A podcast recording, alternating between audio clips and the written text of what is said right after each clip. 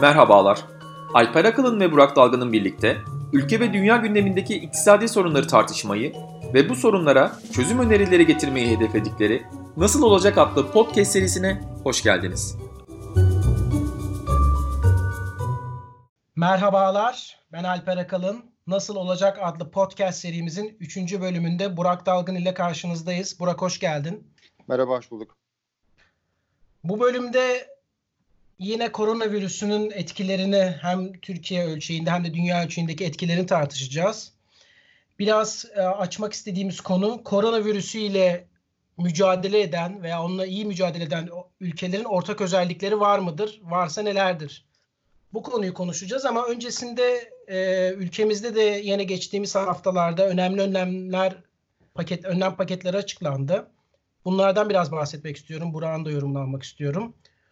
Bu hafta hem Merkez Bankası hem de Hazine yeni genişletici önlemler aldı. Merkez Bankası likiditesini arttıracağını, açık piyasa işlemleri doğrultusundaki bu e, Merkez Bankası'nın piyasaya likit sağlaması karşılığında finansal kurumlardan aldığı e, finansal yatırımları e, kasteden bir şey. Hem açık piyasa işlemlerindeki limitleri arttıracağını söyledi. Bu daha fazla para basılacağı anlamına geliyor.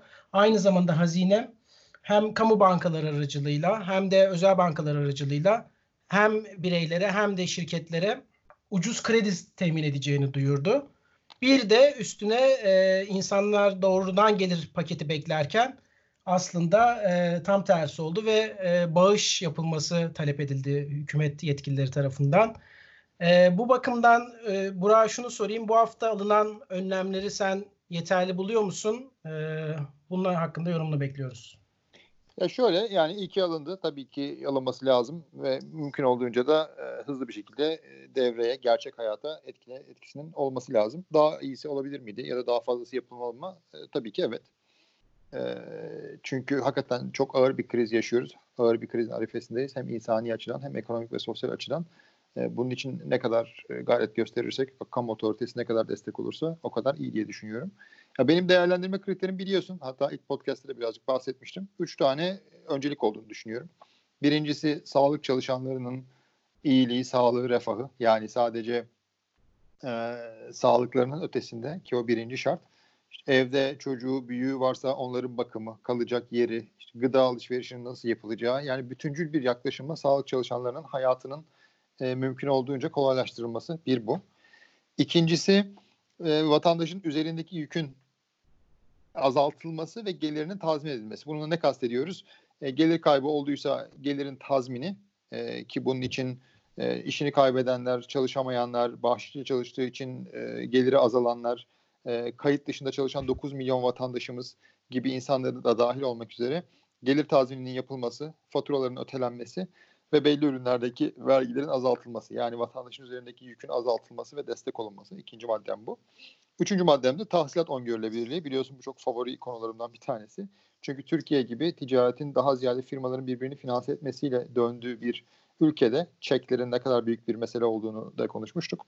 Ee, burada bir tahsilat öngörülebilirliği lazım. Çünkü bu bir zincir. Hepimizin ödemesi başka birisinin alacağı. Yani o yüzden ödemeleri öteledim demek tek başına bir şey pek fazla çözmüyor. Çünkü o zaman da muhatabın alacağını yok etmiş oluyorsunuz. Ee, burada bir çek fonu önermiştim hatırlarsan. E, bu ve benzeri şekilde e, alacak e, öngörülebilirliğini, tahsilat öngörülebilirliğinin sağlanması.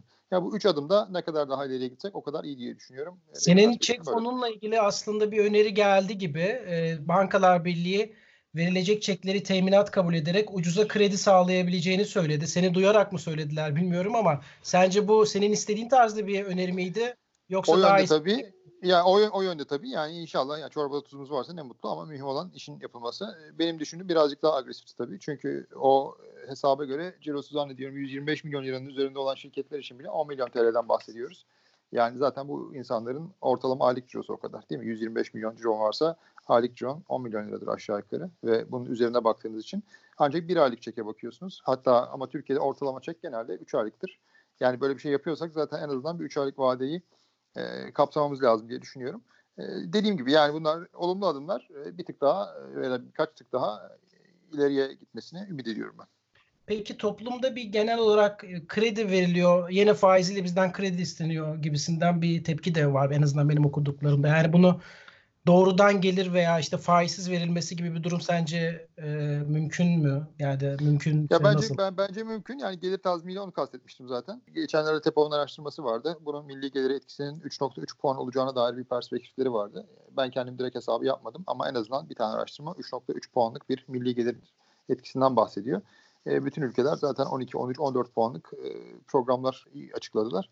E, yani bir gelir tazmini parçasında olması lazım. Çünkü siz restoranı, berberi vesaireyi kapatıyorsanız orada çalışan insanların geliri yok oluyorsa o yok olan gelir. Yani olay sadece bir finansman meselesi değil. Finansman olan bir kısmı elbette var. Bilhassa işletmeler için. Yani işletme sermayesinin yönetimi. Ama diğeri siz 3 ay dükkanı kapatıyorsanız 3 ay o geliriniz gitti. Bu bir finansman meselesi değil. Bu bir kayıp meselesi. O yüzden ikinci maddemde gelir tazmini demiştim. Bir de bir şeyler yasaklanıyorsa nihayetinde devletin ilke olarak o yasağı tazmin edecek bir takım politikalar geliştiriyor olması lazım herhalde ilke gereği. Evet, yani yani sonra ma- maske de aynı mesele. Yani maske takmak mecbur bırakıldı. Biz bunu cumartesi günü 4 Nisan günü yapıyoruz. Maske takmanız mecbur ise e, tamam ki çok güzel ben de destekliyorum. O zaman vatandaşın ucuza bir şekilde maskeye erişiminin hatta bedavaya erişiminin de sağlanması lazım. Çünkü o mecburiyeti koyan devlet demek ki o mecburiyetin gereklerini yerine getirirken de vatandaşa bir destek olması gerekiyor diye düşünüyorum. Peki ülkemizde bu önlemler genel ekseriyetiyle e, yetersiz bulunurken başarı Covid ile mücadelede, koronavirüs ile mücadelede hem sağlıksal açıdan hem de iktisadi açıdan başarılı ülkelere baktığımızda acaba ortak bir takım özellikler bulabilir miyiz? Ben biraz bunu da konuşmak istiyorum.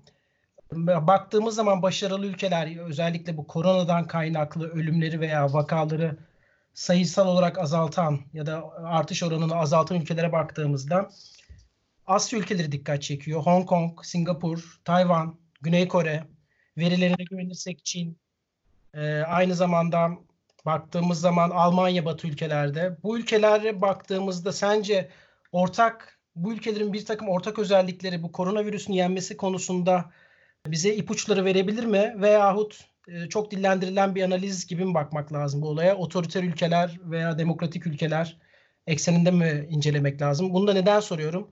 Baktığımız zaman işte Çin'in verileri veya Singapur biraz daha otoriter ülkeler.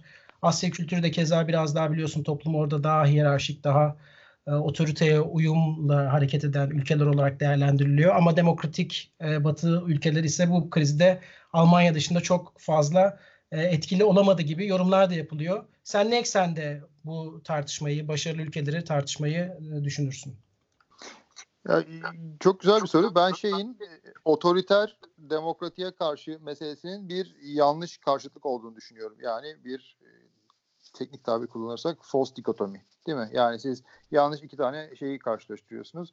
Çünkü ekseni öyle koyunca tartışma da yok demokratikler daha iyi, yok otoriterler daha iyi tartışması da geliyor. Eksen bence öyle değil ki senin verdiğin örnekler de çok enteresan aslında değil mi? Bir bakalım şöyle bir. Ee, Avrupa'da mesela İtalya, İspanya, Fransa çok iyi değil gibi gözüküyor. Almanya çok iyi. O zaman da Alplerin güneyi, Alplerin kuzeyi diye mi keseceğiz mesela bunu? ya da e, Kuzey Amerika'da işte Kanada çok daha iyi götürüyor gibi gözüküyor. Amerika'da bilhassa New York'ta ciddi problem var. Hadi bakalım orada da işte ne kadar kuzeydeysen o kadar iyi ya da göllerin kuzeyi iyi, göllerin güneyi kötü mü diyeceğiz. Yani bu e, veriyi nasıl kestiğiniz birazcık e, meseleyi nasıl tartıştığınıza da bağlıyor.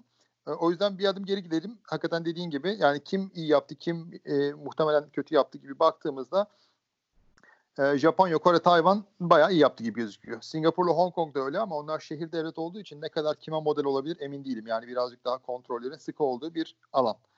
Asya'daki diğer örnek Çin bir muamma bence. Yani o rakamlar doğru mudur? Hakikaten bu iş bitti mi? Hakikaten bu iş söylendiği zaman mı başladı? Bilmiyoruz. Çünkü başladığında da böyle bir şey yok diyorlardı hatırlarsan. Hatta bunu e, ifade eden Doktor Lee ki sonra kendisi de koronavirüsten vefat etti. Adamı önce boşuna yaygara yapıyorsun diye neredeyse vatan haini ilan ettiler. Sonra olay ortaya çıkınca ya öyle miymiş dediler. Sonra adamcağız öldü. O yüzden Çin verilerine ne kadar güvenebiliriz bilmiyorum. Ama tabii Çin'in yaptığı tip özellikle Wuhan'da söylenen full karantina milletin evinden çıkmaması meselesini bir demokratik ülkede yapmak mümkün değil. Ama en azından diğer ülkelerdeki örnekler bilhassa Kore değil mi? Ee, ciddi bir nüfusu olan bir ülke. Bilhassa Japonya büyük ve üstelik yaşlı nüfusu olan bir ülke. Bunun demokratik yollarla da aşılabileceğini gösteriyor. Geldim Avrupa'ya. Almanya'nın e, hem aldığı pozisyon hem Başbakan Merkel'in bu işi iletişimini yapış tarzı gerçekten bence çok takdire şayan. E, öte yandan Akdeniz ülkelerinde birazcık daha bu iş sorunlu gibi gözüküyor şu an itibariyle. Amerika Kanada'yı konuştuk ama Amerika'daki mesele daha ziyade New York ve New York'un kendi mimarisinden, yapısından kaynaklanıyor ve Amerikan sağlık sisteminin çoğu insana da te- teslim edeceği gibi hakikaten kötü bir yapıda olmasından kaynaklanıyor. E o zaman geldik diğer ekstreme. Onu unutmayalım. Kuzey Kore'de yok biliyorsun bu iş. Yani büyük diktatörlüklerin hiçbirisinde korona morona yok. E, Çünkü Yani ben de buna şöyle olmuyor. bir katkıda bulunmak isterim. Genelde şöyle yorumlar da yapıldı. Geçen hafta da konuşmuştuk. Serbest piyasanın bittiği, daha kamucu politikaların egemen olacağı bir dünya düzenine giriyoruz veya en azından buna ihtiyaç olduğu açığa çıktı gibi yorumlar yapılıyor. Baktığımızda kamusal politikaların daha egemen olduğu devletlerde daha iyi bir mücadele edilip edilmediğini öğrenemiyoruz bile. İşte tabii ki Venezuela, Kuzey Kore genelde Kamusal, kamusal kamusal politikaların egemen oldu demeyelim ya. Onlar diktatörlük yani. Adını Onlar doğru koymak lazım. aynen öyle. Belki Latin Amerika ülkelerine de baktığımızda veya keza biraz daha görüyoruz ki aslında burada olay kamunun kamusal politikaları ilke olarak koymak değil, kamusal politikaları nasıl efektif bir şekilde dizayn ettiğiniz bence burada çok önemli. Evet Yani doğru. Yani bu, kamu, bu kamu meselesi de aslında devletle kamuyu ayıralım diye geçen hafta da konuştuk ya. Yani bence kamusal politikanın gayet pozitif bir şey var. Bu ille baskıcı devlet anlamında gelmiyor değil mi? Yani mesela e, Almanya'nın müdahalesi hem sağlık sistemi itibariyle hem ekonomik müdahalesi gayet başarılı değil mi? Bunu Evet. bir kamusal perspektifle yapıyor ama demokratik devlet içinde yapıyor. Ha demek ki bu iş yapılabiliyormuş. Ya özetle bence senin söylediğin noktadan devam edecek olursak bence esas kriter e, devletin kapasitesi değil mi? Bu aslında bizim şirketlerde de çok fazla konuştuğumuz bir şey. Kurumsal kapasite meselesi. Yani aslında neye ne kadar adapte olabiliyorsun, neyi ne kadar becerebiliyorsun. İşte Henry Kissinger'ın bugün makalesi çıktı. e, Biraz üzerinde de konuşmuştuk seninle. Yani o, o ne diyor mesela? Üç tane şey koymuş değil mi? Devletin devletten beklentiye. Birincisi sıkıntıyı öngörebilmek. İkincisi sorun olduğunda onu durdurabilmek. Ondan sonra da normal duruma, olağan duruma dönüşün restorasyonunu hızlı bir şekilde gerçekleştirebilmek. Yani aslında devlet kapasitesini bu şekilde de özetlemek mümkün değil mi? Yani bir sıkıntı geliyorsa, kardeşim bak bu kriz geliyorsa ya da gelebilirse buna hazırlığınızın olması hem bu örnekte sağlık sistemi, yarın öbür gün veri güvenliğinde başka bir şey olsa veri güvenliği sistemi değil mi? Ondan sonra ikincisi sıkıntı meydana geldiğinde bunu ne, ne hızla durdurabiliyorsunuz? Ee, Almanya'daki testler örneği mesela değil mi? Hızlı bir şekilde testler, yoğun bakım yatakları, doktorların seferberliği vesaire. Ondan sonra da stabiliteye geçişi, e, normal duruma geçişi ne hızla sağlayabiliyorsunuz? O da aslında ekonomik programlar ve vatandaşların teskin edilmesi. Bu örnekler bize aslında bunun gayet demokratik devlet yapısında ama gene kamu, kamusal bir perspektifle ille ağır devletin ağır e, hareketinden bahsetmiyorum ama kamusal bir perspektifle hareket ederek demokratik hükümetler tarafından da e, yapılabileceğini gösteriyor. Ha demek ki bizim buradaki meselemiz demokrasi mi otoriterlik mi tartışmasından ziyade devletin kurumsal kapasitesini nasıl en etkin bir şekilde inşa edebilmek sorusu. Ben öyle değerlendiriyorum. Bir de kurumsal kapasitesi ben bir iki tane de rakam vereceğim. Verimliliği ve etkinliği yani devleti e, nasıl bir şekilde kurumsallaştırmalıyız veya nasıl bir şekilde dizayn etmeliyiz ki o devlet topluma en efektif, en kamusal yararı en üst düzeyde gösterecek şekilde hizmet verebilsin. Şimdi mesela bu Tayvan, Kore, Türkiye'yi bir karşılaştırdım ben. Ee, aslında baktığımız zaman Türkiye'nin toplam devlet harcamalarının toplam harcamalar içerisindeki payı yüzde otuz beş. Ee, Milli gelir toplam- payı mı? Milli gelir oranı mı? Milli gelir oranı çok güzel. Milli gelir Yani oranı devlet, yüzde devletin harcamaları milli gelir oranı. Üçte biri Evet. devlet harcıyor. %35. E, bu rakam Tayvan'da %18. Şimdi genelde şöyle bir algı var. İşte de, aslında biraz onu, demin onu söylemeye çalıştım. Sanki daha devletin e, ağır olduğu veya devletin daha hantal olduğu veya devletin daha baskın olduğu ülkelerde bu sorunlar daha iyi çözülüyor gibi bir durum yok. Çünkü mesela Tayvan, Hong Kong, Singapur bunlar hep böyle devlet harcamalarının toplam içerisindeki payının %20'lerin altında kaldığı ülkeler. Ama baktığımız zaman mesela Tayvan ve Kore işte Singapur, Hong Kong biraz daha kendi özel durumları var belki ama mesela Tayvan ve Kore toplam devletin toplam harcamalarının payı Türkiye'dekinden daha az. Yani da, aslında devlet daha küçük burada.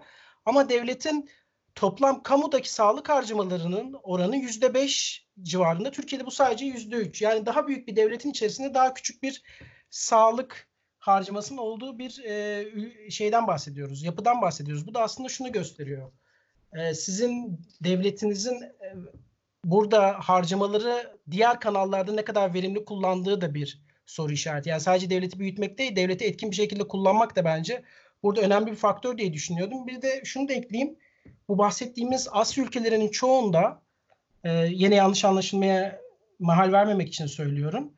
Sağlık hizmetlerinin çoğu yine aslında kamu hastaneleri tarafından değil özel hastaneler tarafından veriliyor. Yani burada kamu özel işbirliğinin de bir şekilde önemi açığa çıkıyor ama verimli bunlardan verimli bir şekilde hizmet almak aslında devlet harcamalarının ne kadar şeffaf olacağı, bu harcamaların nasıl iyi denetlendiği ve kamudan nasıl pozitif bir sonuç alınacağının takibi de bence buralarda önemli konular diye düşünüyorum. Ee, bu evet, bağlam... ben ka- ka- kamuyla devletin birazcık ayrımını yapmamız lazım diye düşünüyorum. Yani bir şey kamusal olabilir değil mi? Yani o anlamda evet. bir bütün kamunun herkesin hizmetine açık olabilir. Ama bunu özel sektör mü verir, devlet mi verir o ayrı bir konu. Yani ki yani bence devletin üç tane görevi var değil mi? Bir tanesi genel bizim hak ve hürriyetlerimizi savunmak bir numaralı görevi değil mi ki adalet gibi, hürriyetlerimiz gibi vesaire gibi şeyler bunun altında. İkincisi belli kamusal hizmetleri, sağlık ve eğitim de bunların içinde verilmesini sağlamak. Kendisi verebilir. Özel sektörün vermesini sağlayabilir ama herkesin bunu kapsaması lazım değil mi? Yani başkası verebilir ama insanları kapsadıktan sonra en optimali neyse o şekilde yapabilir. Üçüncüsü de nihai olarak bütün riski yönetebilecek belli riskleri ancak devlet seviyesinde idare edebiliriz. Nihai bir risk yöneticiliği. Yani verdiğin örnekler de birazcık aslında bunu destekliyor değil mi? Aslında siz orada bütün insanların hastaneye gitmesini sağlıyorsanız bir şekilde ya sosyal güvenlik sistemiyle ya başka mekanizmalarla o spesifik hizmeti bir devlet kurumunun mu özel sektörün mü verdiğinin çok da bir önemi kalmayabiliyor. Ama mesela Amerika öbür ekstremde değil mi? Dünyanın en zengin ülkesi 50 milyon insanın sağlık sigortası yok. Orada hakikaten hem devlet yok hem kamusallık yok. Çünkü 50 milyon insanı yani nüfusun %15'ini siz tamamen sağlık sisteminin dışına atmışsınız. Aslında ee, sana şöyle o... söyleyeyim. Orada kamusallık yok. Aslında oradaki bir yanlış anlaşılmayı da şöyle açıklamak lazım. Kamunun toplam sağlık harcamalarının toplam milli geliri oranının en yüksek olduğu ülkelerden birisi Amerika %12. Doğru %17 %17 falan diye biliyorum. %17 Kamu, toplamı, kamuyu bilmiyorum ama toplam. Kamu. Evet toplamı %17, kamusu %12. Bloomberg çok güzel bir endeks açıklamı. Endeksi var Bloomberg'in. Ee, en verimli sağlık e, harcamaları yapan ülkeleri listelemiş ve burada birinci sırada Hong Kong, ikinci sırada Singapur, dördüncü sırada Güney Kore, onuncu sırada Tayvan var, 51. sırada ise Amerika var. Şimdi bu bize neyi gösteriyor aslında?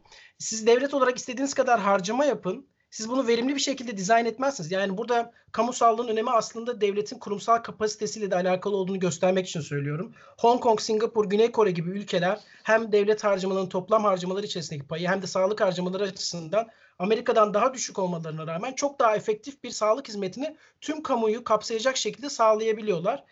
Ve mesela İtalya ile İspanya'ya bakalım. İtalya ile İspanya'nın toplam sağlık harcamalarının toplam kamu içerisindeki payı %7-8. Bu dediğim gibi Güney Kore'de %3, %4 ama Güney Kore, Singapur bu işi İtalya ve İspanya'dan çok daha iyi bir şekilde kotarabiliyor.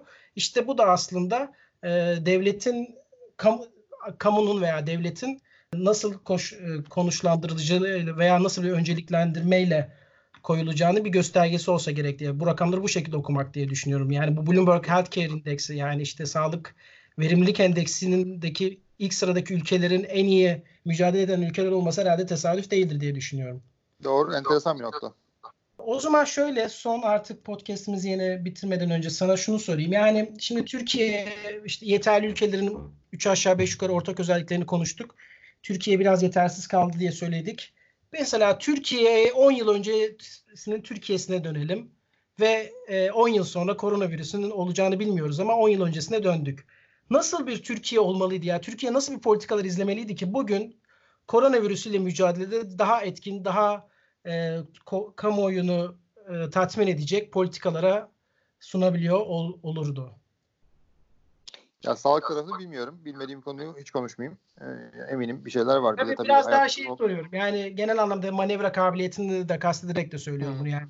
yani çünkü ta, tabii hayat şeyle geçmiyor. Yani onda bir önce bir teslim edelim. Yani işte bilerek yaşamıyoruz değil mi? Geleceği bilerek yaşamıyoruz. Aslında o yüzden de bir takım şeyleri e, ihtiyatlı gitmenin sebebi de aslında o. Ekonomik tarafı konuşacak olursak manevra kabiliyet dediğin için o aklıma geliyor. E, şimdi çok daha iddialı bir ekonomik program açıklamakta sıkıntı çekmemizin sebebi sonuçta borçluluk ve rezervler meselesi. Yani aslında siz sağlam bir bilançoyla, sağlam bir mali kurala bağlı bir kamu finansmanıyla, sağlam bir merkez bankası rezerviyle hareket etmenizin en önemli sebebi bence bu tip bir şeyle karşılaştığınızda, tabii koronayı bilemezsiniz de zaten sıkıntılı bir coğrafyada yaşıyoruz. Yarın öbür gün yanımızda savaş çıkabilir. Ertesi gün bu kadar küreselleşen dünyada veri güvenliği ile ilgili bir şey olabilir. Hiç aklımıza gelmeyen iklim değişikliği ile ilgili başka meselelerle karşılaşabiliriz.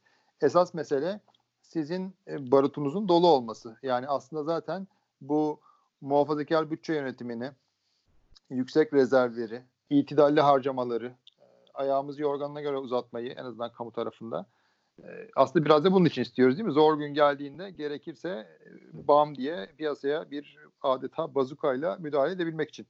Evet. Yani o anlamda bu mali disiplin falan gibi meseleler sadece teknik ya da finansal konular değil. Bence iki tane veçesi var. Bir tanesi e, devletin belli sınırlarda hareket etmesi, mali kural gibi şeyler onu sağlıyor. İşte geçen hafta hatırlarsan John Stuart Mill'in çok sevdiğim lafını söyledim. Tekrar söyleyeyim. E, yani yararlı amaçlar için bile olsa değil mi? İstediği gibi kullanabilsin diye halkını uysallaştıran, cüceleştiren bir devlet sonunda küçük insanlarla büyük şeylerin başarılamayacağını görür. Yani devleti büyüttükçe tabii bireyin aleyhine o genel olarak gelişen bir şey. Birincisi bu. Ama ikincisi zor gün geldiğinde manevra yapabilecek e, cephanenizin olmasını sağlamak. E, benim öngördüğüm bu. E, sen ne diyorsun bu konuda? Yani ben de şöyle söylüyorum. Mali açıdan mesela sen güzel bir noktaya temas etmiştin kendi olan tartışmamızda. Şu an Türkiye'de CDS'ler 600 puanlara çıktı. CDS ne demek? Ee, Türkiye varlıklarına olacak olan yatırımcıların ödediği sigorta primi. Bu 600 puan da şuna tekabül ediyor. Normalde gelişmekte olan bir ülkeye yatırım yapacağına Türkiye'ye yatırım yapacak olan birisi %6 daha fazla bir faiz beklentisi içerisinde kabaca özetleyecek olursak. Şimdi böyle bir ortamda senin yaptığın hesaplama istersen sen söyle. Toplamda bize bir senelik 25 milyar dolarlık ilave bir maliyete tekabül ediyor ki bu bizim bir yıllık eğitim bütçemiz değil mi? Sen öyle söylemiştin. Evet ben onu 200'e göre yaptım. Yani Türkiye'nin genelde yani o 6, 6 puan demek. Amerika 1,5 %1,5'la borçlanıyorsa Türkiye 7,5'la borçlanacak demek. Eğer bu seviyede kalırsa. Ee, yani %6 fazla faiz ödeyecek. Ee, normalde Türkiye 2 puan fazla faiz öderdi. Yani biz 6 puan yerine 2 puan fazla faiz ödeseydik 4 puan daha az faiz ödeyecektik. %4. 435 milyar dolarlık bir dış borç var. Bunun %4'ü 18 milyar dolar yapar. 120 milyar TL bugünün kuruyla aşağı yukarı. O da Türkiye'nin milli eğitim bütçesi. Yani, yani o yüzden bu bu tip evet. hikayeler böyle bir sadece para ya da teknik mesele değil. Bu gerçekten realiteyle alakası olan şeyler. Şimdi CDS'i biz nasıl düşürebilirdik? Biz 2010-2011'li yıllarda daha öngörülebilir mali ve parasal politikalar takip ediyor olsaydık bu CDS daha çok düşebilirdi. Kurala bağlı politikalar. Mesela bir mali kural geçiriyor olsaydık bizim geçmiş yıllarda bütçede ne kadar para harcayacağımız, ne kadar para toplayacağımız öngörülebilir olduğu için bütçenin finansmanı meselesi de daha kolay çözülebilirdi. Keyfi harcamaların yerine kurala bağlı harcamaların olduğu bir ülke tabii ki yatırımcılar içerisinde daha caziptir. E onun dışında biz daha sağlam para politikaları takip ediyor olsaydık bugün Fed'in swap anlaşmasına dahil ettiği merkez bankalarının arasında yer alabilirdik. Bu ne demek? Fed güçlü para birimlerine sahip. Fed yani Amerikan Merkez Bankası. Yani Fed yani Amerikan Merkez Bankası. Güçlü para sahibine, para birimine sahip ülkeler ile kendi paralarını değiş tokuş yapabileceğini swap anlaşması yoluyla. Böylelikle dolar likiditesi sıkıntısı yaşayacak ülkelere bu şekilde yardımcı olacağını söyledi. Türkiye bunlara dahil olmadı. E, Türkiye'nin bunlara dahil olmamasının en önemli sebeplerinden bir tanesi Türkiye'nin parasal politikalarında bir öngörülebilirliğe veya kredibiliteye veya konvertibiliteye eskisi kadar yüksek sahip olmamasından kaynaklı. E bunu neden böyle oldu? Yani neden kredibilitemiz veya konvertibilitemiz biraz azaldı? Bir, yine orada bir takım keyfi parasal politikalar. İkincisi bizim özellikle faiz konusunda piyasayla inatlaşan bir gevşek bir politika belirliyor olmamız. Bu gevşek politikalar aslında bizim e, bankaların da şu an birçok krediyi çok verimli olmayan yatırımlara vermesine sebep oldu. Ve hem bankalar hem Merkez Bankası'nın rezervi aslında baktığın zaman şu an olması gerektiğinden daha likit olabilirdi ve bu bize aslında hem böyle zor zamanlarda likidite problemi yaşadığımız zamanlarda kamunun daha fazla daha etkin bir şekilde bize politika öneriyor olmasına sebep olabilirdi. Onun için e, geçmişteki o bahsettiğimiz o süreçte bence özellikle öngörülebilirlik, şeffaflık ve kurala bağlı politikaların izleniyor olması bizi bugün korona ile iktisadi mücadelede daha iyi yere getirirdi diye düşünüyorum. Şimdilik bence burada bitirebiliriz istersen. Senin bence son söylemek istediğin bir şey var Yok, mı? Gayet iyi. Bence burası bitirmek için gayet iyi bir nokta. Okey. O zaman çok teşekkür ediyoruz. Üçüncü bölümümüzü de böylelikle bitirmiş oluyoruz. Gelecek hafta görüşmek üzere. Görüşmek üzere.